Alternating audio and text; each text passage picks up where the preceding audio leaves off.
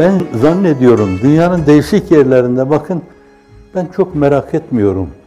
Belki 10 yerde hareket ve hizmetle alakalı doktora tezi yapıldı. Göklere çıkardılar. Her yerde takdirlerle yad ediliyor. Millet sizi bir yerde konumlandırıyor. Hareketi, hizmeti bir yerde konumlandırıyor. Sizin durumunuz, tavrınız bu. İnsanlığın geleceği adına sizden beklediği şeyler şunlar. Şimdi böyle bir konumlandırma varsa şayet onun hakkının verilmesi lazım.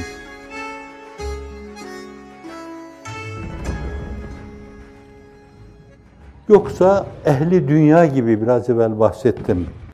Bir villanın yanında bir tane daha yetmedi, bir tane daha yetmedi, bir tane.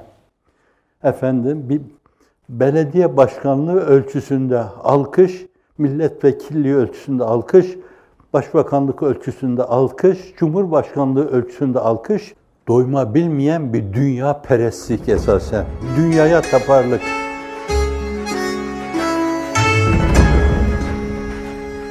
Namaz kılsa bile o dünyaya tapıyor. Ve bir sürü de bunların arkasından sürüklenip gidiyorsa, bütün ahiret hayatını bunlar fena ediyorlar. Bir de bir de kalkıp bu arada efendim falanı intihap ederseniz ahirette hemen sizin için beraat fermanı hazırdır. Melekler aman buyurun cennet sizi bekliyordu gibi. Hafizan Allah. En büyük insanlar, peygamberler bile cennete girebilir miyim diye ben onun endişesini yaşamışlardır.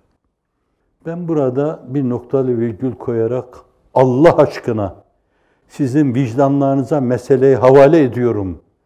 Kaç insan var bu mevzuda? Kafir olarak ölmeden korkuyorum.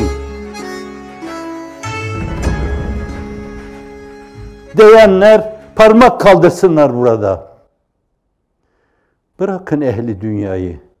Onların nereye yuvarlandığı belli. O arabalarla nereye gidileceği, o villalarla nereye gidileceği, o alkışlarla nereye gidileceği, o millete zulüm yapmakla nereye gidileceği bellidir. Elin alemin dışarıda onlara bir yönüyle birer pasaport vermeleri, birer vize vermeleri, bir yönüyle cennete giriyor gibi göstermeleri bu riyakarlığın ta kendisidir, küfrün ta kendisidir. Bırakın onları. Onların işi bitmiş. Ama Cenab-ı Hak sizi çok önemli bir konumda konumlandırmış.